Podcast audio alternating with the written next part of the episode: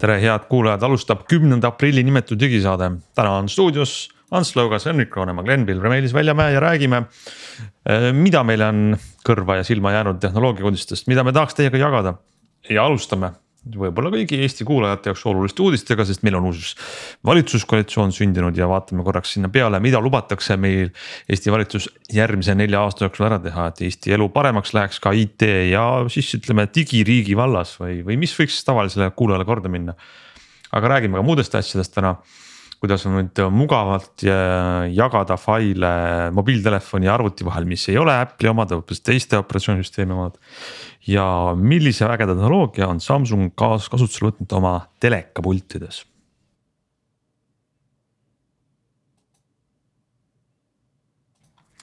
Nonii, hakkame siis öö, äh, otsast peale, võib-olla.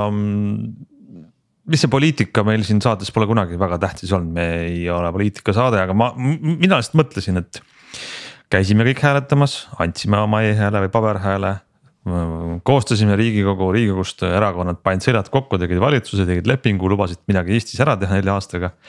et vaataks korraks peale.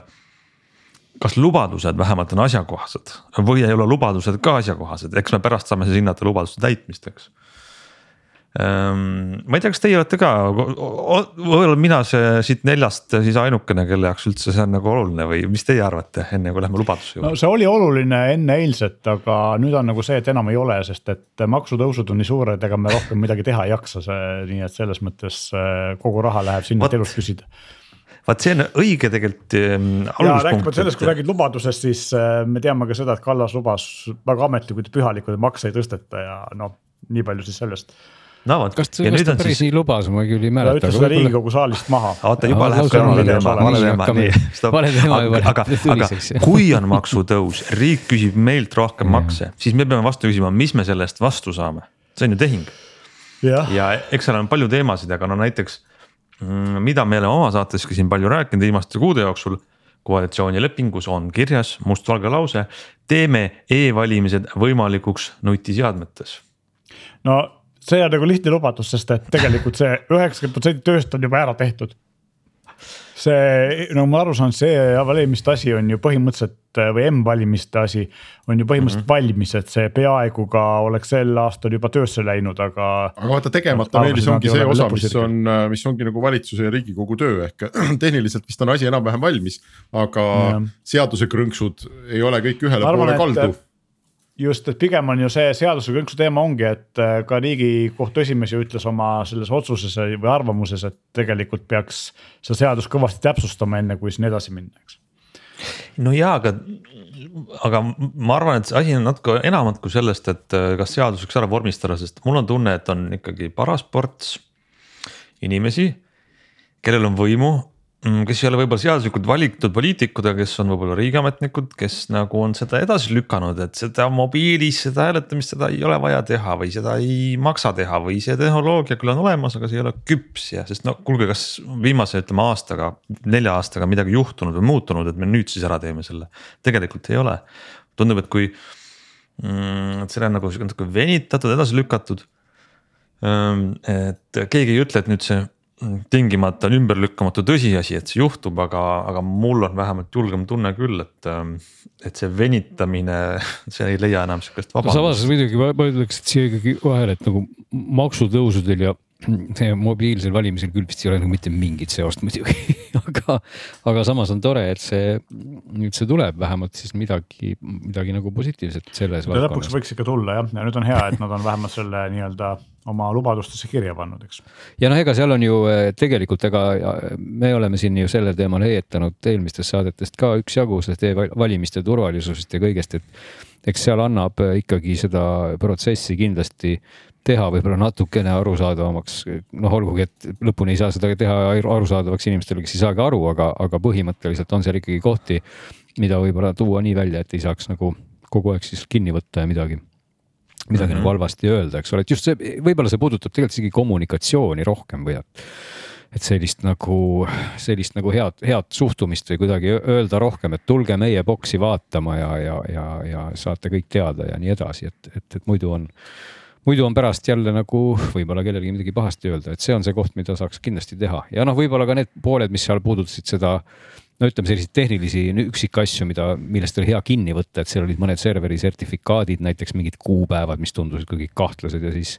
olgugi, et tegelikult seal midagi väga kahtlast ei olnud, sest kõik need sertifikaadid olid täitsa nagu kehtivad ja, ja korralikud, aga aga kuidagi, kui tundus, et kusagil on mingisugune üle, üle-eelmise aasta kuupäev umbes äkki hüppab kuskilt ridade vahelt välja, et siis on kohe jälle kisa, et. et eks seal võib-olla noh no,. ma olen sinuga nõus, et, et tegelikult mingi baashügieen oleks vaja e-valimiste puhul ära teha, et kõik oleks ja. nagu laitmatu et vorm ei tahagi ju väga sest, palju. sest see on asi lihtsalt, mida ikka ja jälle nagu, nagu näitab siin meie kogemus igal sammul. keegi tahab nagu jälle kusagilt midagi surkida ja torkida, see on isegi nagu mõistetav, sest tegelikult peaks ka, eks ole mm, -hmm. aga, aga lihtsalt, kui seal tõesti on nagu mingi teatav segadus, siis lõpuks võibki ju kannatada noh, pigem selline tavaline heatahtlik e-valija nagu võib-olla meiegi oleme, sest et mida me ju kõige vähem tahaksime, ongi, kui seda võimalust enam ei oleks mingisuguse. niisuguse nõmeda bürokraat, noh, niisuguse täiesti totra võib-olla hooletuse tõttu, mis sisuliselt kaalu ei oma, aga nagu bürokraatlikus mõttes on koht, kust kinni võtta, nii et, et selles mõttes kindlasti on, on tore, et, et seda pole unustatud, kui sa, kui sa nendest koalitsiooni lubaduse punktidest seal niimoodi läbi käisid, see on ikkagi äge. E, jah, no ma võtsin mingeid punkte, noppisin välja, mis võib-olla võiks korraks arutada lühidalt. asendame avalduse esitamise kohustuse nõusolekuga teenuste puhul, kus riigil on selgelt ja üheselt teada kodaniku õigus saada vastavat mingit teenust. noh, näiteks ma ei, ma ei tea. ei, see on, ma, päris täpselt ei saa aru, aga ma arvan, et ma võin seletada, sellega kokku käib järgmine ja. punkt viime seaduse tasemel sisse nii eraisikute kui ettevõtete jaoks andmete ühekordse esitamise printsiibi. Need on äh, kaks asja, mis minu meelest on e-riigi ehitajatel olnud suureks helesiniseks unistuseks väga-väga-väga pikki aastaid. no mis see nüüd sisuliselt on? esimene tähendab seda, sa saad lapse. esi, esimene tähendab ümberpööratud teenust ehk et mitte ja. sina ei lähe läbi äh, veebi mugavalt e-teenust küsima vaid riik, riik annab sulle selle, et võtab Aha. sinult kui kodanikult veel ära kohustuse või, või võimaluse täita mingisuguseid vorme või, või allkirjastada midagi okay., äh, mida tegelikult riik juba teab sinu kohta ja oskab sinu mm -hmm. või sinu pere elukaart arvestades sulle no,. aga neid kohti on ju, aga neid kohti on ju tegelikult lausa väga palju, et seda nagu üldistada on vist raske, sest et. sest ausalt öeldes ma hakkan praegu mõtlema, et, et nagu kohe, kohe nagu nagu väga palju on ju selliseid momente, kus sa piltlikult öeldes pead siis noh, kuidas see väljend on, tõestama, et sa ei ole kaamel tegelikult. ja ega no, just, ja, just, ja see teine asi ka, see andmete ühekordse esitamise printsiip on see teine selline helesinine unistus, mis e-riigi tegijatel on olnud, ehk et kui sina oled ühe korra Glen öelnud riigile mis iganes detaili oma, oma elukese kohta mm, -hmm. ma ei tea, kus sa elad või või ma ei tea, et äh, sa oled äh, mees sellises vanusegrupis ja teenid sellist palka ja oled ettevõtja, näiteks oled statistikaametile öelnud. et siis teist korda ei tohiks nagu su käest küsima tulla või siis statistika näite puhul vastupidiselt, et kui maksuamet teab sinu kohta kõiki neid asju, siis sina ei pea oma väikeste näppudega statistikaameti veebiteenusesse seda kõike uuesti toksima. no see, see üldse viitab muidugi sellele, et eks neid andmebaase on ikkagi mingites asutustes e, nii-öelda erinevaid või laokil ja nad ja kui hästi-halvasti nad just omavahel suhtlevad, mul muide meenus selles kontekstis kohe üks täitsa nagu e, personaalselt eluline olukord seoses elektriautodega sest et eh, teadupärast tohib ju Tallinnas elektriautot parkida kesklinna alas tasuta. aga seal on üks väike konks, seda ei tohi parkida tasuta ennem, kui sul ei ole linnavalitsusse esitatud avaldus ja selleks avaldus, on luba. just ja, ja kui sul seda avaldust ei ole, siis sa saad trahvi põhimõtteliselt sekunditega, nagu olen ma ise ka korduvalt teada saanud. ja küll nad selle trahviga rõõmsasti tühistavad, kui sa ütled ikkagi, et sorry, et vaadake, nüüd on selline lugu, et et see auto ikkagi on elektriga ja, ja seda kõike saab ju ARK-i andmebaasist vaadata. ja see ilmselgelt lihtsalt näitab seda, et muidugi ühenduslüli selle kontrolöri äpi ja ARK-i andmebaasi vahel, noh, on piltlikult öeldes või pehmelt öeldes ilmselt puudulik, et, et kuskil on siis vist mingi, ma ei tea, mingi teine andmebaas, mis on siis linnavalitsuse oma või ausalt öeldes jääb mul natuke üldse segaseks see päring, mida siis see kontrolör seal nüüd oma telefonist teeb, et tal on vaja mingi avalduse baasil olevat kirjet kusagile, et see on elektriauto, et see tundub tegelikult absurdne kõik, aga. no ega neid kohti on palju, aga vaata need, äh, miks ma need kaks tükki ühendasin ja ütlesin, et need on väga pikalt olnud äh, unistuseks ja olnud, ongi olnud. et need on ühtlasi mõlemad väga keerulised teha ja ma, ma pigem arvan, et need on tulnud Eesti kahesaja programmi või Eesti kahesaja ettepanekute kaudu, et neil oli see riigireform ja ja kõik see oli nagu väga hingel ja, ja siit paistab ka läbi sellist äh, varem mitte riigivalitsemise juures olnud erakonna idealistlikku suhtumist, et teeme ära. ja, ja ma ei, ma ei taha selle üle siin nalja teha, minu meelest oleks super kui, kui kaua iganes see koalitsioon püsib, kui see päriselt tehtakse ära no,. mul on teatud reservatsioonid, sest ma olen näinud kõrvalt, et seda on viisteist aastat üritatud teha ära ja yeah. sajal põhjusel pole saadud, aga äkki päriselt praegu saab. no, no kui ma praegu aga... jäin kinni selle Hansu näitesse veel, kes rääkis lapsest ja lapsetoetusest, siis tegelikult ikkagi selliste selliste näidete puhul peaks ikkagi kusagil struktuurides, ütleme mitte tekkima kallutatud jõud, aga tekkima sellised proaktiivsed tehisintellektsed jõud, kes ja, seda kõike ju teeksid. Aga et... see on juba, see juba ongi toimimas, sest tegelikult ma ei taha võib-olla kritiseerida neid kahte eesmärki, mis on tegelikult väga ägedad asjad Eesti e-riigi kohta, aga aga võib-olla ma olen kuulanud liiga palju seda Eesti e-riigi turundusjuttu välismaale, igatahes need mõlemad punktid juba sellest äh, proaktiivsest teenusest, kus sa ei pea taotlust tegema, vaid siis mm -hmm. süsteem teab sinu andmeid, seda on juba aastaid. Minu meelest on ka aastaid räägitud. on sellega nagu seal küpsetatud. Ja, ja ma ei kritiseeri, asjad võtavadki aega, aga ma lihtsalt ütlen, et, et see valitsuskoalitsioon mingit uut nüüd sihtmärki meile küll ei sea, need on ikka vanad asjad, mille ta ütleb, et noh, teeme nüüd no, lõpuks ära, nagu see pagana nutiseaduse hääletamine. see oleks isegi tore, kui nad selle päriselt ära teeks, aga võib-olla jõuavad vähemalt kuhugi maani, et need ei ole iseenesest nagu halvad eesmärgid, need on väga vanad ja väga suured ja ammused eesmärgid ja noh, saab siis näha jah ja ma otsin ühe asja veel, mis tegelikult ka ei ole uudis, mida me kõik teame siin juba, kes meie saadet on kuulanud vähemalt, et eh, eesmärk loome e-riigi mobiilirakenduse, mille kaudu riik kogub informatsiooni ja teenustega personaalselt iga eestimaalaseni. no see hakkas eelmine aasta pihta, selle arendamine, tore, et on siin ka koalitsioonilepingus kirjas. sellega seoses muide tuli ka eelmine nädal uudis, kes on nobedate näppudega ennast eelmine aasta kirja pannud, et tahab selle M-riigi äpiga lähemalt tutvuda, siis öeldi, et jah, M-riigi testimine algas, nüüd kevadel läheb lahti kolm tuhat inimest on äh, ennast testijana üles andnud. natukene koomiline või, või kuidagi küsimusi tekitav on see testimise viis. et inimesi on palju, siis jagatakse need kolm tuhat inimest rühmadesse äh, aprillist kuni mai keskpaigani. ja ma ei tea, kui suurteks rühmadesse ja siis iga rühm inimesi saab selle äpi viieks päevaks. et sa saad testida seda viis päeva, ütleme esmaspäevast reedeni ja ongi kõik, eh, see kuidagi tundub mulle nagu. see on nagu see suhtlus chat GPT-ga, et kui sa liiga palju küsima hakkad, siis pannakse kinni mulle tundub ka, et sa leiad nagu, liiga palju probleeme muidu kõlab nagu veits sedamoodi nagu dogfooding või selline alfa tasemel test, mida tehakse arendaja poolt eh, siis ettevõtte sees, mitte nagu, et beeta test ei peaks olema ja. selline see on kindlasti alfa, aga ikkagi, miks nii vähe, alfat võiks nagu ka pikemalt no, lasta. ma ei tea, kas ta enam või peaks olema alfa selles mõttes, et eh, esiteks alfat ei tohiks anda ka ennast üles pandud kasutajatele, eks ole, teine asi on see, et et tegelikult ju nad lubasid selle beeta välja tuua nüüd avalikuks testimiseks veebruaris ja praegu on meil aprill, eks nad on isegi mhm. kaks kuud hiljaks jäänud.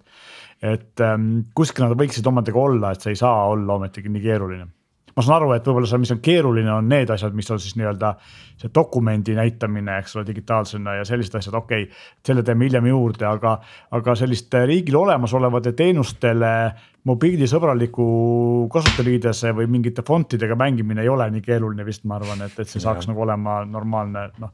sest tegelikult on olemas ju, just. aga sina, Meelis, oled testija? jah aga ka... ma sain ka sama kirja, et äh, varsti saad. oota, aga kuidas, kuidas te selleks, kuidas te selleks testijaks saite? me kuulasime hoolikalt digisaadet Just, ja siis me mainisime siin, et saab registreerida. seda ma küll ei mäleta, seda, seda saadet mina igal juhul kindlasti ei kuulanud. sellest küll, et äh, riik andis teada, et ole hea, pane kirja, kui sa tahad testida ja siis me panime kirja kust te kirja panite, kas, kas enam, enam ei saa panna või? Nüüd on juba hilja? no nüüd on see rong läinud ja viiepäevane aken on ka, ma võin sulle näidata, Glen, saame praegu platsil kokku ja näitan sulle salaäppi viieks päevaks. Kuidas seda saab? aga Hans, selles koalitsioonilepingus on ka ikkagi mõned, seal vist midagi olulist meil praegu mainimata nüüd enam ei jäänud või? no tegelikult ei jäänud, üks asi, mis on puudu sealt, mida ma tahtsin öelda, seal pole ühtegi sõna sellest, et Eesti mm, baastaristus on, oleks kiire internetiühendus kõigile inimestele. jah, mis võib-olla oleks kõige olulisem eesmärk üldse, mulle tundub. kas seal, kas seal pole ühtegi. mitte ühtegi, ühtegi äh, fraasi pole sellest ja ma loen välja ühe sõnumi, valitsuse arvates meil kõik korras, turuosalised tegutsevad nagu tahavad ja sellega on probleemi ei ole, ühesõnaga. No, see on täielik hämming minu jaoks, arvestades, et aastaid on sinna pandud miljoneid ka toetusraha ja nüüd no, null, null bitti infot ja lisaks kiirusele muidugi on olnud ka viimasel ajal ikkagi üsna terav debatt ju hindade osas, kus on ka selline justkui see, see pall on, pall on lennanud ühest ühest august ja väravast teise ja jäänud ikkagi kusagile ähmasesse kohta praegu tappama, et, et miks see Eestis nii on, et meil siin ei liigu, aga maksab, et see on jah. teine asi, mis sealt on puudu, me oleme siin ise nüüd äh, jauranud kogu tänavuse aasta igas jumala saates ai-st ja ma ei tea, kas ta tänasesse saatesse ka lipsab mm -hmm. kuhugi sisse. täna vist ei lipsa no ei tea, näe juba, juba tuli, juba tuli natukene, et. Äh, proovime, proovime hoida. et see on nagu selgelt asi, mis hakkab muutma äh, ja ta pigem kiiremini kui, kui aeglasemalt hakkab muutma väga paljudki. ja, ja, ja kui siin keegi Äh, ma ei tea, töökohtade mõttes peaks pihta saama, siis need on antud koalitsiooni valijad ehk äh, nii-öelda valgekraed või sellised äh, äh kõrgharitud äh, kontoritöötajad on esimesed, kes äh, ma, saavad selle ai, ai-ga pihta ja kelle teenuseid hakatakse automatiseerima. mis on, teeb selle olukorra kõik väga huvitavaks jah, sul on õigus, aga ütleme läbipaistvuses tuleb öelda, et seal paaris kohas oli mainitud, näiteks sihuke lause on soosime tehisintellekti ja masinõppe laialdast kasutust. aa okei okay., no vähemalt soo-, no ei pane kätt ette või mis see soosime tähendab no,? ja midagi oli veel. no tegelikult muidugi siinkohal ikkagi võiks ka, võiks ka öelda, et natuke laiendada sedasama Henriku mõttekäiku, et tegelikult ma ütleks, et kui niimoodi eemalt vaadata, mis toimub Riigikogus, siis ma olen nagu täiesti üheksakümmend kolm protsenti kindel, et kui seal saalis istuksid chat GPT-d, siis see asi toimuks seal nagu palju-palju tõhusamalt ja palju konstruktiivsemalt. sest et see, mis seal aga... toimub, on ikkagi üsna noh, see on ikka pehmelt öeldes koomiline, et mitte öelda traagiline kohati, et. et lihtsalt no, ma tahan nagu sellega öelda seda, et sellist, sellist nii-öelda red tape'i või kuidas eesti keeles on, sellist nagu mõttetut pläma aetakse sellises koguses, et seda ei pea genereerima tegelikult inimesed. et seda võib väga ei, hästi aga... genereerida chat GPT ja ta teeb seda tegelikult sisukamalt, ilusamini ja isegi ma arvan nagu noh, kuidas ma ütlen, mõtestatumalt ja see on üks asi, võib-olla see, mis sa ütled nagu pläma on see, mida me tihti näeme sealt sellest nii-öelda kõige sihukest ebameeldivamat osa. aga ütleme sisulise töö puhul on palju arutatud selle üle, et normaalsetes riikides on parlamendisaadikul assistent, kes aitab tal selgeks teha nagu olulised punktid, et sa mm -hmm. ei oleks nagu erinevate lobigruppide lükata-tõugata et miks mitte ka alustada, et sul tehisintellektist assistent on esialgu, kes saab ei, no, selle ivast aru ja aitab läbi töötada, on ju. sest et, et noh, ei ole ju mõtet rääkida juttu nagu jutu pärast, aga, aga lihtsalt kohati tundub küll, et see, see täpselt nii on, et, et noh, aeg tiksub, eks ole igavlevad näod kusagil seal haigutavad ja, ja siis noh, käib nagu formaalsuste põhimõtteliselt äh, pingpongitamine ühest otsast teise ja. aga nagu kuidas me siis selle ai-ga oleksime saanud nende elu põnevamaks teha, on selline, et no, no ütleme, täna on väga vara öelda, eriti panna koalitsioonilepingusse, et meie, vot see valitsus teeb ai-ga, ai-ga niimoodi, sest noh, keegi ei tea, mis on niimoodi, keegi ei tea, mis on ai, aga kui ma mõtlen, kuidas me, kui kiiresti me saime siin paarkümmend, isegi rohkem aastat tagasi, eks ole, kolmkümmend aastat tagasi praktiliselt. saime suurtele ühiskondlikele sellistele IT-muutustele esimesena jaole, eks läbi tiigrihüppe no, läbi nagu e-riigi, et me, me esimesena tormasime sinna, kuhu üldiselt oli näha no,, et asi ma, hakkab minema, siis täna minu meelest võiks ka tormata. ja minimaalselt no, oleks võinud mida, mingisuguse tarkade kogu panna kokku, kes äh, kord kvartalis käib ja istub valitsuses ja, ja, ja noh, mm. kasvõi lihtsalt räägib neile sellest. ja selle no, mida saaks, mida saaks, mida saaks jah, mida võiks seal koalitsioonilepingus oleks võinud olla ja mida võib-olla ka nad võiks arutada ongi ikkagi seesama pool, et vaadata väga kriitiliselt üle kõik sellised riigi bürokraatlik sektor töökohtade mõttes ja vaadata, et kui palju annaks kelle optimeerida, kelle asendada chat GPT-ga täiesti ja, tõsiselt. julge see, mõte ja julgust see, ootaks ausalt öeldes. ja et see ei ole mingi nali, et, et lihtsalt ja. ma arvan, et meeletus koguses on selliseid ametnikke, kes lihtsalt saavad palka ja nad on piltlikult kuskile keldrisse oma lauaga unustatud, et see, et selle, seda saaks kõvasti optimeerida täiesti kindlalt, et ja, ja, ja mitte üldse nagu pahatahtlikult, vaid see muudaks ju efektiivsemaks kogu asjaajamise ja, ja, ja noh, õhendaks selles mõttes heas mõttes võib-olla sellist riiki ja me, meil jääks kõigile rohkem raha, me ei pea ka makse võib-olla nii palju tõstma, nii et. ja, aga loodame äkki nad ikkagi võtavad ennast kokku ja ma arvan, et mis iganes selline äh, ai nõukogu võiks, kui ta kunagi tekib, ma väga loodan, et ta on selline parteide ülene ja ministeeriumite, et ta ei ole mingisugune MKM-i äh, osakonna osakonnas mingi kaks inimest, kes aeg-ajalt võib-olla räägivad midagi, eks, et. et, et see, see peaks olema nagu tõesti kasvõi kaks korda aastas, miks mitte neli korda aastas. käima valitsuse istungil ja lihtsalt rääkima, tutvustama ministritele, mis selles mis, vallas nelja või kolme kuuga. mis toimub, toimub ja lihtsalt, mis toimub mm. -hmm ja, ja, ja, ja noh, siis koos mõtlema neid kohti, eks, et, et kas siin on mingisugust äh, lahkuvat rongi kuhu äh, Eesti noh, saaks hästi kähku peale tormata.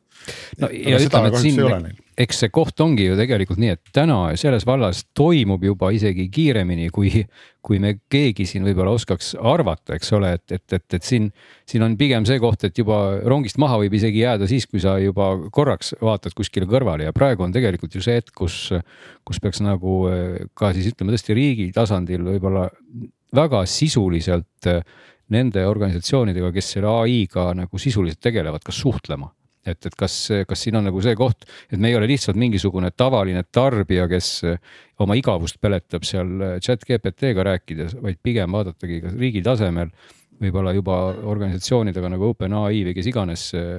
noh, ühesõnaga luua ka neid selliseid suhteid ja vaadata, et mis oleks see valdkond, kus oleks sisuliselt võimalik midagi ära teha noh, kuidagi noh, ütleme sellisel regu reguleeritaval tasemel, kui ma, minu segane mõte kuidagi mingi vormi nagu võtaks. Ja väga, väga äh, huvitavad mõtted ja olen nõus ja mina ka. aga võib-olla siis teeme, ütleme selle poliitika rubriigile praegu tõmbame sellise, paneme punkti, läheme edasi. ja räägime nüüd hoopis äh, väga igapäevastest ja käegakatsutavatest ja käepärastest asjadest ja uudistest, sest et lõpuks ometi meie saade on ju ka selline, mis peaks olema praktiline ja kasulik eh, kõigile, kes igapäevaselt kasutavad tehnoloogiat. Uh, Windows, ütle nüüd Meelis, kas see uudis puudutab Windowsi uuendust või on see Google'i uuendus Androidile ja siis me räägime, mis selle sisu on. see on Google'i uuendus Windowsile kuidas? väga põnev, seda vastust ma ei oodanud. Noh, selleks, et kõik ausalt alla rääkida, tuleb alustada sellest, et eh, nagu Aku Sihko ütles, ehk siis ähm, mis asi on Google'i nearby share, see on või läheduses jagamine, nagu Google seda eesti keeles nimetab. on siis äh, Apple'i asjade pealt tuntud äh, AirDrop, AirDropi mm -hmm. konkurent, eks ole, Androidi seadmetel. Ja kui äh, Apple võimaldab AirDropi kasutada siis Macidel, eks ole, ja, ja iPhone idel, iPadidel ehk siis kõigil kogu oma ökosüsteemil, siis äh, Nearby Share'i sai siiamaani kasutada erinevate Androidiga seadmete vahel ja siis ka Chromebook idega, aga mitte Windowsi ja Maciga. Ja Google lubas mitu aastat tagasi, nad tegelevad siis äh, nii-öelda arvutitele äpi arendamisega, nüüd on see beetana väljas huvitaval kombel on see beeta saadaval praktiliselt kogu maailmas, välja arvatud Euroopa Liidus hmm ma ei tea, kas see on mingi GDPR-i teema või, või mingite seadusandluse teema, igal juhul eh, riikide nimekiri kus ei ole saadaval, sisaldab eksklusiivselt Euroopa Liidu riike, kaasa arvatud Eestit. ja noh, loomulikult, kes, kes tahab paneb... proovida VPN ja töötab, eks ole. Aga kohe tekib küsimus, kui sa ütled, et selline jaotus on, et kuidas toimub, ähm, sest airdrop'i puhul on kõige huvitavam aspekt see, kui ma teen telefonis lahti airdrop'i.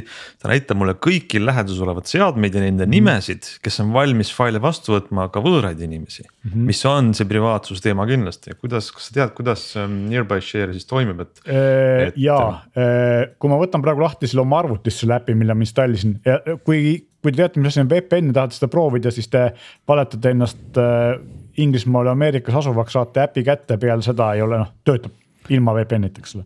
lihtsalt selle installeri allalaadimises, kui ma lähen sinna lehele, siis ta ütleb mulle, et sinu regioonis ei ole saadaval. kas seda installerit kusagil mingites natuke hämaramates internetinurkades ka ilma VPN-ita? ma arvan, et lihtsam on võtta mingi VPN-i teenus ja kasutada seda, kui hakata seda hämaras kohas tõmbama, sest ikkagi ametlikust Google'i serverist on see palju turvalisem alla tõmmata, ma mm -hmm. pigem soovitaks seda varianti teha.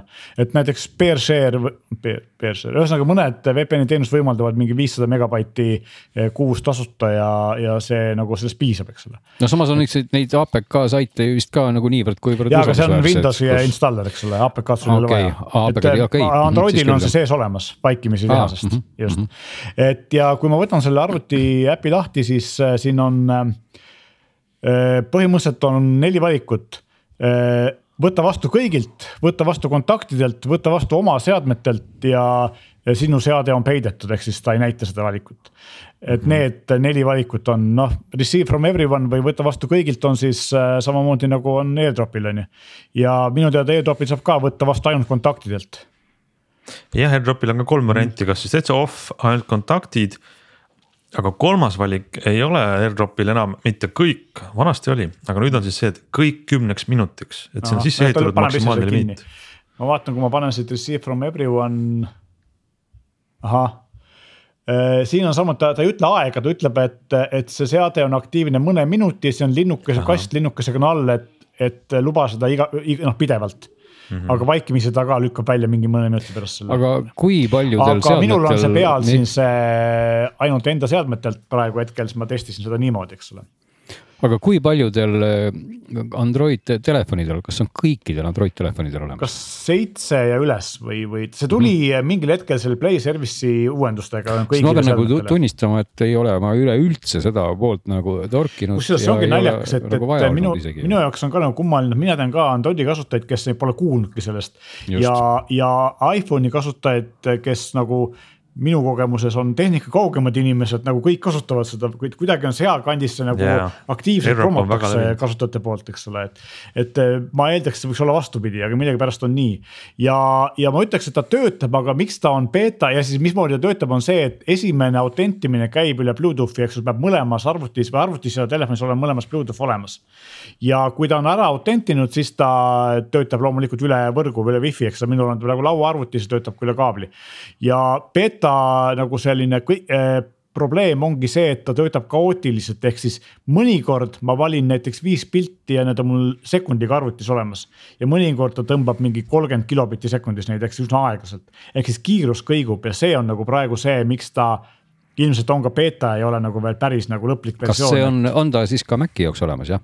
veel mitte Aa, aga nad Windows töötavad ikkagi. selle kallal jah, et praegu see beeta on Windows, ma arvan, et saavad selle beeta või Windowsi sellest beetast lahti nii-öelda, et nad teevad selle valmis äh, lõpliku versiooni ja võib-olla siis hakkavad Macile. ma usun, et see võib olla ka mingisugune Apple'i poolne nii-öelda pidurdamine vahel. no selles mõttes No kui see mõttes-, kui see tekiks nüüd Macile ka, siis hakkab tekkima jah küsimus, et kui kõikidel Maci omanikel on see olemas, et mis kaudu siis see suhtlus juba käib, eks ole, just noh,, sest et noh, minul on, on see just, et ma siiamaani olen ikkagi tõstnud pilte eh, enamasti niimoodi, et ma laeb mul Google Fotosse alla ja siis ma lo- login arvutist sinna sisse brauseriga ja tõmban need pildid alla, mida mul vaja on töödelda või teha, eks ole. ja teine variant on siis see, et mul on olemas ka see Samsungi telefoni, kasutan seda Windowsi eh, link to, link to my phone või mis iganes Windows link, mis siis eh, ühendab arvuti ja telefoni, mis on Microsofti enda tehtud. aga seal on see häda, et ma saan põhimõtteliselt liigutada ühe pildi kaupa, aga see on Nearby Share'iga, ma saan panna linnukesed ette, tõmmata mitu pilti ja ma saan jagada äh, kausta, eks tervet kausta, eks kui ma tahan.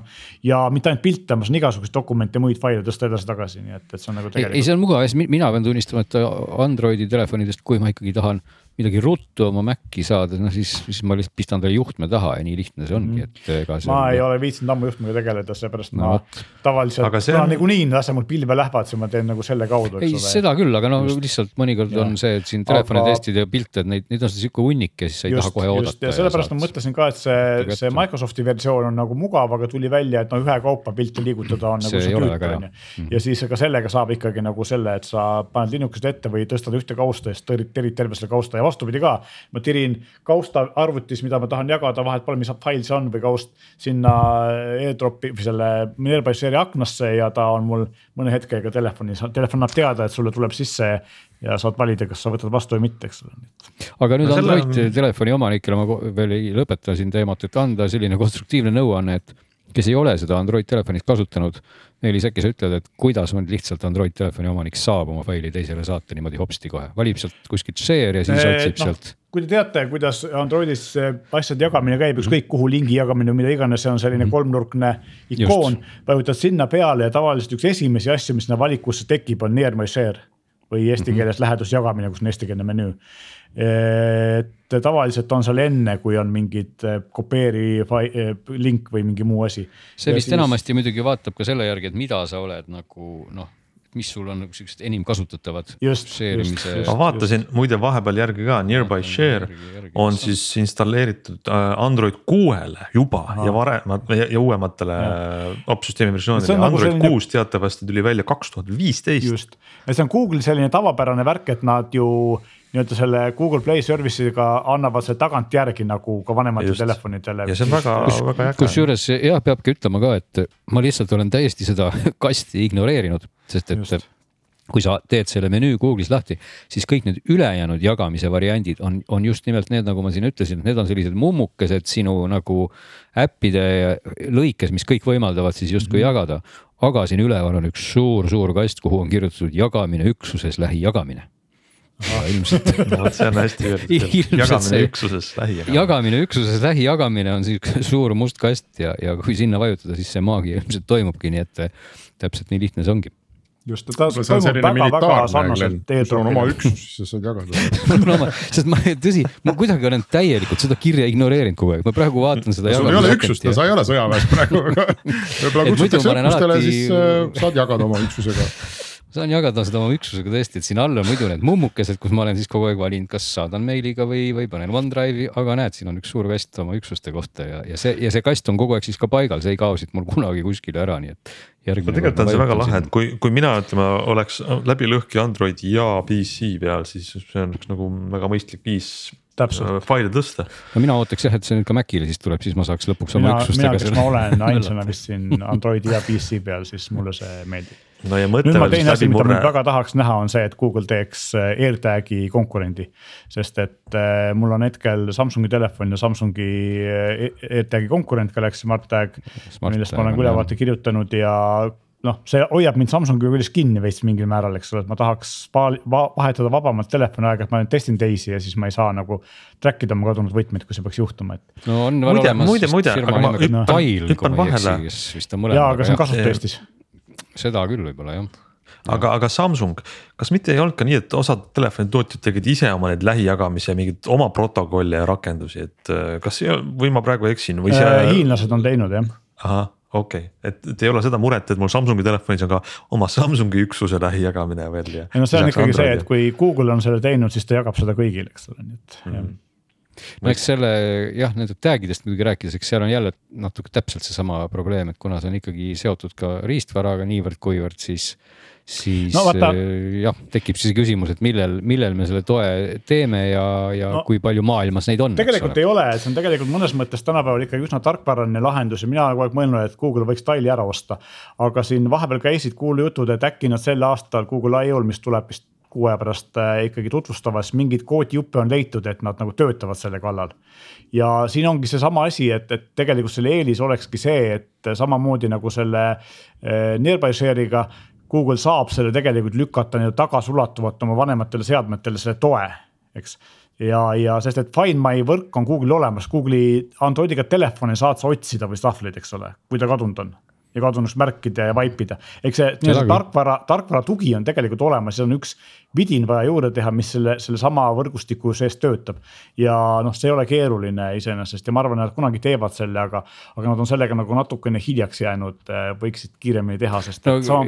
noh jah, siin, siin võiks üldse öelda, et ega Google kuidagi tuleb nagu tunnistada, et ega ta nagu riistvaraliste jublakatega ei ole nagu väga hästi kuidagi hakkama saanud, mõnikord nagu need on, kukuvad välja, aga tihti kukuvad nad kuidagi nii välja. Nad ei võta nagu väga, kuidagi väga tõsiselt jah et, et see iseenesest oleks see koht muidugi väga-väga teretulnud, sest kogu see tag'ide teema on, on, on tegelikult väga, väga eluline ja väga äge teema just, et see, et ta on ikkagi suhteliselt odav junn nii-öelda piltlikult, mis siis suhtleb ju tegelikult nende telefonidega, kes oskavad teda kuulata ja saadabki oma asukohta ja maksab ikkagi sealjuures suhteliselt vähe, aga lihtsalt kui seda asukohta kuulavad ainult hetkel jah, Samsungi tag'i puhul siis ainult vist Galaxy telefonid siis on asi natukene hõre, eks ole. no siin ongi see vahe, et detaili puhul, nagu sa mainisid, eeldab seda, et sel inimesel, kes mööda läheb, peab see äpp olema installitud, noh, mitmel inimesel Eestis on Tile, eks ole. absoluutselt. Samsungi telefoni on Eestis väga palju. seda küll, aga noh, ilmselt on äh, iPhone ja Apple'i, Apple'i telefone ka väga palju, sest tegelikult Apple'i pluss on ka veel see, et see, et see toimib ka ju arvutitega, eks ole, et, et olgu see siis arvuti või telefon või. no selles mõttes mina näiteks näen ka oma võtmeid, kui ma tahan oma telekast, Samsungi telekast, nii et kuidas on Smart Things peal kuulge, aga, räägimegi hoopis järgmiseks uutest Samsungi telekatest, sest ma saan aru, et seal on, seal on ka üht-teist uudiseid äh, tulnud.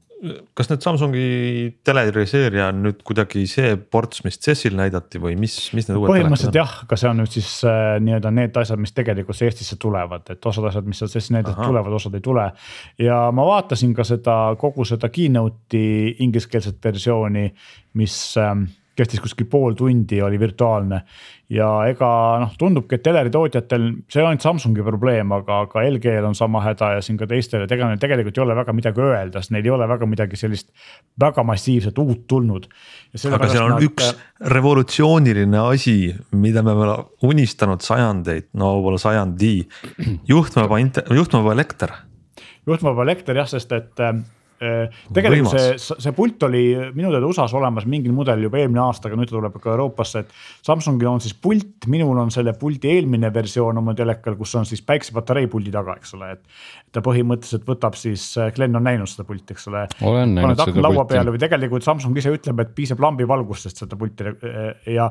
ja selle puldil, see eelmise aasta puldil oli või üle-eelmise aasta, kaks aastat olnud, oli ähm, ikkagi noh, laetav aku sees, ta laadis USB-C pesaga, eks ole.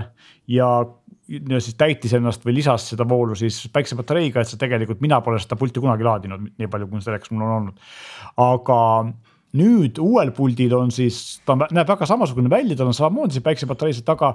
tal ei ole enam sees akut, vaid tal on sees, noh, ma ei oska öelda, kas see superkondensaator nagu Skeleton teeb, aga igal mingisugune suuremat sorti kondensaator, mis seda voolu hoiab ja liitiumakut sees ei ole ja ta võtab siis lisaks sellele päiksepatareile voolu vastu ka kahe koma nelja gigahertsist wifi võrkudest, ehk siis võib-olla mikroni ahjust ma ei oska öelda, aga, aga ühesõnaga, et kui ruuter kodus kiirgab kahe koma nelja gigahertsist äh, wifi signaali, siis ta oskab seda vastu võtta ja seda äh, muundada elektrienergiaks ja selle pealt siis pulti töös hoida no see on no, päris, päris märkimisväärne, kas see. see on väga märkimisväärne. kas äkki ta võiks seda siis, kas ta võiks kuidagi rohkem sealt õhust juba vastu võtta siis? ma arvangi, et see ongi nagu piisavalt vähe on seda voolu seal sees, et see pult on nagu selline asi, mis väga palju ei tarbi, eks. seda, neid katseid on Hiina tootjad tegelikult näidanud ju, ju mitu on, mis on siuke eksperimendid, aga nüüd on seal laiatarbija toode, mis tuleb Eestis müügile, need telekad jah just ja no, ma ei oska öelda praegu peast, mis mudelitel, aga kallimatel mudelitel, eks ole. aga kas sa tead, kui ja... pikk ala see on, kui kaugelt siis mulle peab? Nad ütlevad, et otsenähtavuse piires kuni nelikümmend meetrit ma see ausalt see teeb mind natuke wow. ärevaks, sest et see tähendab ju tegelikult ikkagi seda, et kui, kui see pult on võimeline sealt õhust püüdma elektrienergiat, siis, siis kui mina seisan sama koha peal, siis põhimõtteliselt mingisugune kiirgus moondub minu sees. no nüüd sa siis oled närvis, kuule, sul on kümme aastat on kaks koma neli gigahertsi on sul kiiranud toas. aga praegu ma muutusin, praegu ma muutusin väga ärevaks, äkki ma peaks on... kõik nüüd välja lülitama. me anname kohe, kohe anname ka sellist äh, laskemoona ka kõigile 5G ja muudele inimeste vastast, vastastele, sest et tegelikult Kes... see tehnoloogia, mida siis, mis on inglise keeles energy harvesting, eks ole, eks energia kogumine. see kõlab juba halvasti keegi harvestab midagi, minult nagu võetakse midagi. seda tegelikult on siin viimase paari aasta jooksul erinevad sellised kiibitootjad väga aktiivselt tegema hakanud ja üritavad nagu teha. ja eks see põhiline, lisaks sellisele pultidele, põhiline selle kasutusmeetod ongi, ongi see nii-öelda siis asjade internetiks IoT seadmed, mis on kuskil sul, ma ei tea, mingid väravavajad, okei okay,, see võib-olla võtab liiga palju voolu, eks ole, aga. aga põhimõtteliselt, sest et õhk on ju täis õues meil 4G, 5G, 3G signaali, eks ole, et selles mõttes seda, seda on olemas ja kui seda piisavalt efektiivselt vastu võtta, siis igasugused vähese voolutarbega asjad kasvõi mingid GPS traktorid, ma ei tea, et need tegelikult suudaksid sellest piisavalt palju energiat saada ja. ja see on üks selline IoT lahenduste tulevik, et, et see nii, nii saab olema. seda küll jah, et kui nüüd võib-olla natuke proovida siin mingisugust teaduslikumat lähenemist sisse tuua, siis ju kõik meie ümber on täis kiirgust, eks ole, valgus on lihtsalt sellest üks tillukene spektri osa, mida me juhuslikult näeme.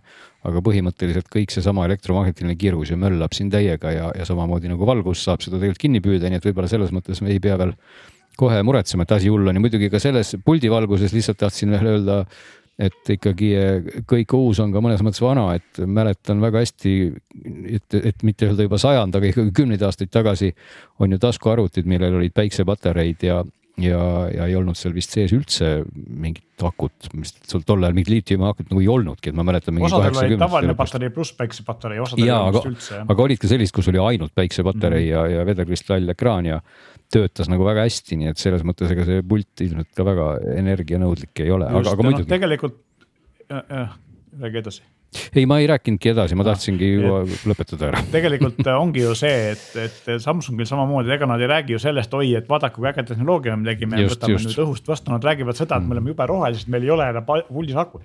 see on nagu see. ei, see on iseenesest, aga iseenesest see on, see on ka õige point, sest ega siis mm, -hmm. kui sa mõtled ikka, et tehakse mustmiljon pulti ja, ja nende sisse tõesti siis pannakse patareisid või akusid, siis see kõik võrdub ju ikkagi suure saastamisega kokkuvõttes, et, et et kui seda ei ole, on see igal juhul positiivne, see ongi seesama koht, et kui me hoiame kasvõi kõik kokku umbes ühe, ühe millivoldi elektrit, siis see kokku on ju väga-väga palju, eks ole.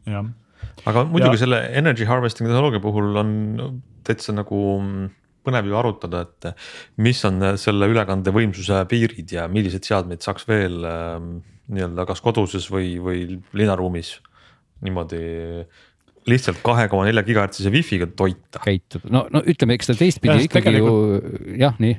seda wifi signaali läheb ju tegelikult päris palju nii-öelda kaotsi, eks ole, kuna ta kiirgab nagu suhteliselt suvaliselt ümberringi on ju. Ja, ja, ja noh, ega siin ikkagi tuleb lähtuda või vähemalt uskuda, et energiajäävuse seadus ikkagi peab paika, mis ju tähendab ühtepidi, et kui sinna wifi ruuterisse parajasti nii palju energiat sisse pumbatakse ja see sealt välja lendab, siis noh, teoreetiliselt võiks selle energia siis saada ka ju suhteliselt suures osas kätte, kui see vastuvõtja oleks. praegu ka... ta muutub meil kuskil seintes ja põrandas soojuseks, soojuseks, just nimelt. et, et ega ta mujale ju ei lähe, et, et eks see ongi sihuke kahe otsaga asi, nii et kui see põrand tulevikus ja seinad selle asemel, et soojeneda, püüaksid selle jälle elektriks, siis võib-olla oleks meie kodu natuke külmem, aga see-eest elektrifitseeritum. aga selle Samsungi teleri teema lõpuks mainisid ära need paar asja, mida nad veel siis ütlesid, üks on see, et nende kaheksa K telerid toetavad nüüd kuuskümmend hertsi mängimist ja nende 4K telerid, kaasa arvatud Oledid, just 6D Oledid toetavad nüüd sada nelikümmend neli hertsi värskendussagedust, mis nagu tavaliselt teleka vaatamise puhul on noh, vahet pole, eks ole, sest sellist signaali meil ei ole. aga nendele, kes sellega mängida tahavad, eh, võib-olla on nagu midagi juures, kuigi noh, saja kahekümne ja saja neljakümne nelja vahe ei ole väga suur. aga see on paberil argument, eks ole lisaks on siis parandatud jällegi heli ja pilti ja, ja kõik ekraanid on kõvasti eredamad. eriti Oledid, mis on nagu olnud probleemiks, et Oled on tume, aga see ereduse või ereduse Eh, sõda on praegu nagu samamoodi nagu megapiksli sõda kaameramaailmas on teleri maailmas nagu väga aktiivne, kõik eh, teleritootjad üritavad teha võimalikult heledat ekraani. aga see tundub miks, tegelikult totter. mis see, mis, mis, mis see nagu ja, olukord on, miks mul on vaja eredamat oma elutoas tegelikult ei olegi, et ainuke asi on see, et HDR-is detaili näha, aga ka see on ilmselt piisavalt hea praeguseks sest ikkagi, kui sa mõtled, et telerit vaadatakse ikkagi noh, okei okay,, sa võid muidugi päiksevalgustusega vaadata, aga suure tõenäosusega tahad mingit filmi vaadata, siis sa ikkagi vaatad seda hämarast toas, et, et oluline on pigem see, et tõesti, et must oleks nagu must, eks ole, et kui see must seal mhm. parajasti must ei ole, vaat siis hakkab kohe pihta see asi, et kui palju siis neid alltoone sinna vahele mahub ja, ja, ja nii edasi, aga kui must on ikka päris must, no siis ma ütleks, et ma ei taha, et, et mul äkki mingi päike särab telekaekraanilt näkku. Äh, kas muide päikse, otsene päiksevalgus üldse ei kahjusta Oled telekat, kuna see on ju orgaaniline LED, et see peaks. seda mingil määral võib jah, kuigi nad ka tegelevad sellega, et see nad vähem mõjuks, eks ole. küll, aga kui siin juba juhtmevabast telekast oli muidugi juttu, siis. Eh, puldist et... siiski veel, veel puldist alles, aga varsti ootame ka juhtmevaba telekat. ma tahtsin just öelda, et tegelikult juhtmevaba toite lahendus on ju olnud ka juba, juba ammu nagu olemas, aga seal on pigem ka küsimus kasuteguris. mulle meenub IFA-l nii mitmedki Hiina tootjad on ikkagi aeg-ajalt näidanud oma juhtmevaba telekat toite mõttes. kas telekat siis... või, või kas ei ole olnud ka juttu juhtmevabadest telefonidest või siis telefoni laadimine? see oligi, see oli kindlasti telekas, selles mõttes, et oligi selline mm -hmm. telekas, mille sa said panna siis nagu seina peale. selle mõte oli see, et sellest telekast ei tule üldse füüsilist juhet välja, sest füüsiline juhe on kole et mhm. telekas saabki oma toidet siis juhtmevabalt, et seal lihtsalt pidi piisavalt lähedal olema see nii-öelda siis alus, mis tekitas selle elektromagnetvälia ja kõik on ju, aga, aga selle puhul ikkagi kasutegurist noh, paraku juhtmega väga palju, väga palju läheb nagu soovituseks. ma mäletan, me siin hiljuti lugesime kokku seoses nende kaheksa K ja elektritarbe uudistega, et kui palju telerid, mitte kaheksa K, vaid ka neli K telerid, kui palju nad energiat tarbivad ja need olid ikkagi mm -hmm. päris kõrged numbrid, need olid ju mm -hmm. seal sada vatti ja, ja, ja palju rohkemgi mm. Vist isegi sadades wattides minu arvates, kui, kui Suured pilt on hele ja telekas on suur jah. just, just no,. ma võin öelda seda, et äh, meil oli enne neljakümne tolline Samsungi teler aastaid vana, noh üle, üle kümne aasta kindlasti viisteist aastat vana ja see tarbis paberi peal või nii-öelda siis selle sildi peal, mis tal on tagaküljel sada nelikümmend vatti ja praegune viiekümne viie tolline 4K võtab kaheksakümmend viis, noh, võib-olla HDR-iga võtab ta rohkem, eks ole, nii et tegelikult. kaheksakümmend viis on sul suured... mingisugune super eco mode, kus. see on, ma kardan jah, super pimedat Eesti mängufilmi, kus kõik on tume et aga, aga iseenesest tegelikult ta võtabki üllatavalt, ma arvasin, et võtab rohkem, aga pannes ka sinna lugeja taha, siis tegelikult ega ta ühesõnaga ta võtab sama palju või vähem kui see igivana väiksem telekas. ei no Oledi puhul loomulikult ei saa ju. kohe vaatame, palju mu telekas võtab voolu. et, et Oled, Oledi puhul lihtsalt tume ekraan ei võtagi peaaegu üldse voolu, aga, aga noh, kui sul on ikkagi veel selline nii-öelda siis tänases mõttes vana hea taustvalgusega teler just. siis seal see, ikkagi põleb see kogu aeg. see teler, mis mul nagu eelmine oli, kui ma ei eksi, siis ta ei olnudki mitte veel LED, vaid oli Asluminofor taustvalgustusega, mis nagu ilmselgelt võis palju voolu. no ja siis, ja siis tuli ka LED, ega siis ka LED telekas võtab ja. ikkagi oluliselt. ta võis olla ka esimene LED, ma ei mäleta kumb, ma tean, et ta on selle äärtest valgustusega, mitte siis ta, nagu otse. mitte tagant, eks ole, just, just, nii et igal juhul Oled telekas selles no. mõttes on, on mõistlik, aga, aga samas ikkagi ma ütleks ka siinkohal, et ega keskkonna mõttes tuleb alati leida see sihuke balanss, et kas noh, kui kaua veel vaadata edasi siis oma vana telekat versus osta uus, eks ole, sest noh, keskkonda saastavad nagu piltlikult öeldes mõlemad, eks ole. no muidugi rohkem... töötava asja äraviskamine kunagi mõistlik, aga ma vaatan ka oma LG teleka puhul on see pea kahekordne see vahe, et jah, see energiatarbimine on märgitud kaheksakümmend neli kilovatt-tundi per tuhat tundi siis, ma saan aru. no see ongi seesama tegelikult mm. -hmm. järgmine rida on energiatarbimine HDR režiimis, mis on sada viiskümmend üks. ja olgem ausad, ma üritan alati eelistada ükskõik, mis on, et see oleks HDR peal on ju, nii et ähm, Just. see see on selline petlik numbrite mäng, kust tasub vaadata, et kus tõde päriselt on. no samas, kui see avaldub lõpuks võib-olla sul elektriarves, siis sa vaatad, ei vaata HDR-i nii palju, aga noh. kui elektriarve on suur, lülita HDR välja siis lülita HDR välja.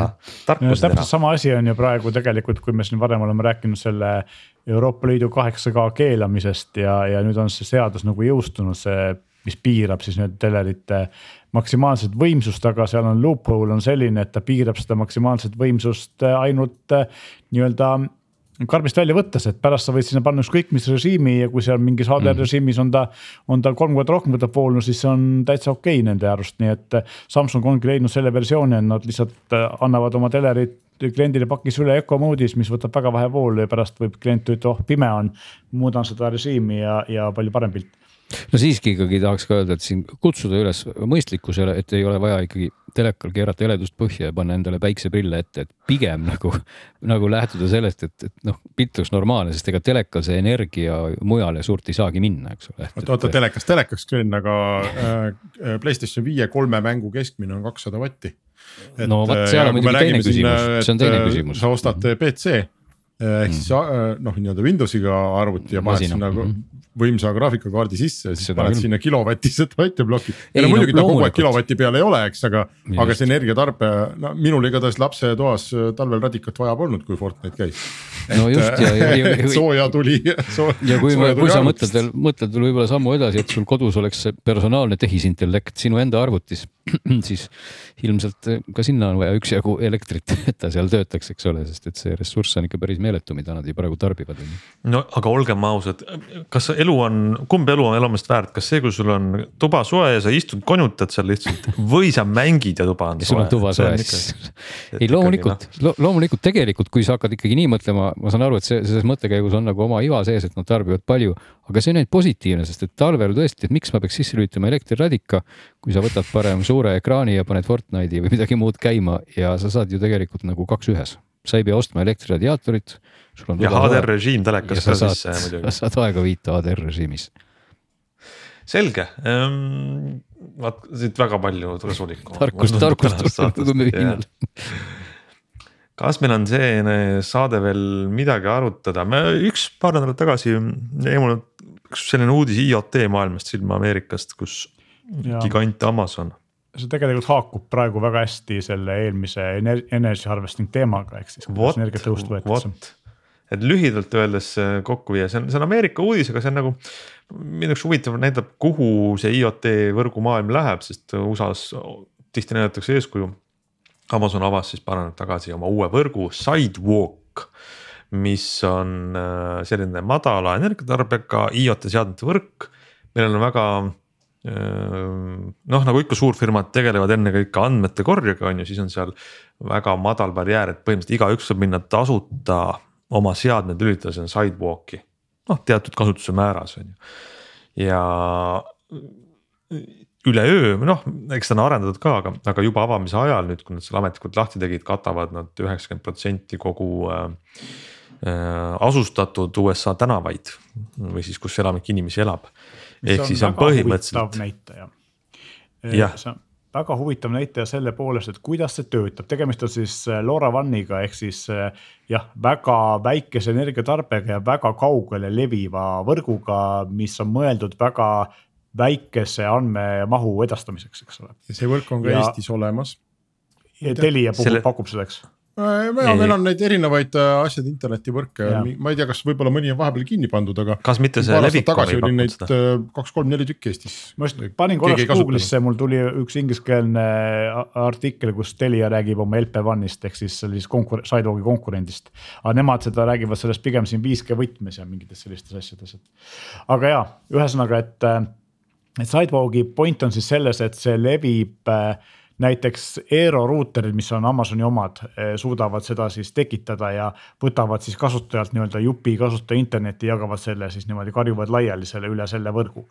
ja nad lubavad, et ükski ühel, ühegi kasutaja käest ei võeta kuus rohkem kui viissada megabaiti, nii et eh, seda saab muidugi kinni keerata, eks ole, aga enamus vaikimisi on see mööduda sees ja enamus inimesi ei tea, et see nii on. aga miks see kasulik on, ongi siin nad rääkis, rääkis just sellistest seadmetest, näiteks kui sul on maja ja majal on värav, eks ole, siis värava juhtimiseks sisse-välja lülitamise, et tee värav lahti, pane värav kinni. või garaaži uks, selle lülitussignaali jaoks on vaja paar kilovatti, eks ole. ja tegelikult need asjad võivad asuda, ma siin noh Eestiski olen näinud, eks ole, et asuvad kohtades, kus levi ei ole, kui sa oled maa all või, või nii edasi. GSM nagu levib palju paremini. 4G levi jah. ja Wi-Fi levi ei ole, GSM-i levi ei ole.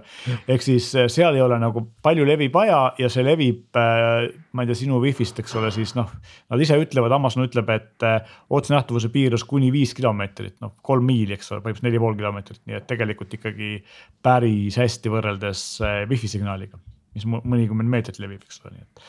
et selles mõttes selline vähese äh, asjadele, mis ei vaja palju, palju andmesidet ja samas peavad kaugelt signaali kätte saama, on see tegelikult sellistes just nagu tiheasustusega kohtades või, või näiteks äh, äärelinnades, kus on eramaju palju ja seal see on nagu tegelikult päris huvitav lahendus. ja siis Amazon nüüd jagab seda lahendus kõigile tasuta, nii arendajatele kui kasutajatele. ainuke nõudmine on see, et need äpid, mida selle peale ehitatakse, peavad eh, liikuma üle Amazoni pilve ehk siis AWS-i. ja see on see konks seal, et kui sa oled äpi arendaja, tahad teha Sidewalki toega lahendust, siis sa pead selleks kasutama eh, AWS-i ja siis selle AWS-i pilve eest maksma, eks ole ja ilmselt äh, ta no seob veel laiemalt selle Amazoni ökosüsteemi kokku, sest Amazonil on ju neid nii-öelda juhtmevabaseid IoT seadmeid veel hästi levinud on need ähm, turvakaamerad või siis ütleme need uksekaamerad ring, mis äh,. mis, kas, ka vist omavahel kuidagi suhtlevad või vahetavad äh, teadaandeid läbi sellesama võrgu et noh, kaamerapilti läbi sellise võrgu saata ei saa, aga, aga need näiteks liikumisanduris ja teadaanded, et äh, ja siis on vist ka nutilukud, mis peaks olema sama võrgu kaudu. et Amazon muidugi ise noh, need, see on loogiline, et nad ehitavad seda kõikehõlmavat sellist ökosüsteemi, kus sul on juba sees ja, ja võrk on püsti pandud ja nüüd kutsuvad, et siis tulge tehke veel äppe sinna peale et see on selline alati libe tee, et, et, et kui väga ahvatlev pakkumine, töötav võrk, väga hästi leviv, ma võin, ma ei tea tõesti panna oma kodus äh,, mida iganes oma kodus juhtida teiselt poolt maakera lihtsalt paari, paari nupuvajutusega ja mul on vabadus ehitada. aga samas sa tead, sa oled selle suure korporatsiooni võrgu lukus ja, ja alati nende tingimuste nii-öelda noh, kas ori on palju öeldud, aga, aga mängid nende mängureeglite järgi, et see, see sihuke Apple'i walled garden, aga IoT maailmas on siis, mida Amazon ehitab aga sellegipoolest noh, näide on selles mõttes ähm, põnev, et äh, IoT võrk on, tundub paljuski ees sellest, et mida tihti inimesed avastavad neid kasutusrakendusi kodus, et, et võrk on olemas, aga, aga kasutusi me veel kõik siin veel leiame. Nonii, aga mulle tundub, et äh, sellise vaatega teise poole lampi mulle tundub, et me vist tänaseks võime tõmmata saate otsad kokku. Öelda kõigile aitäh, kes meid kuulasid ja siin meie, kes me rääkisime. ja oleme tagasi nädala aja pärast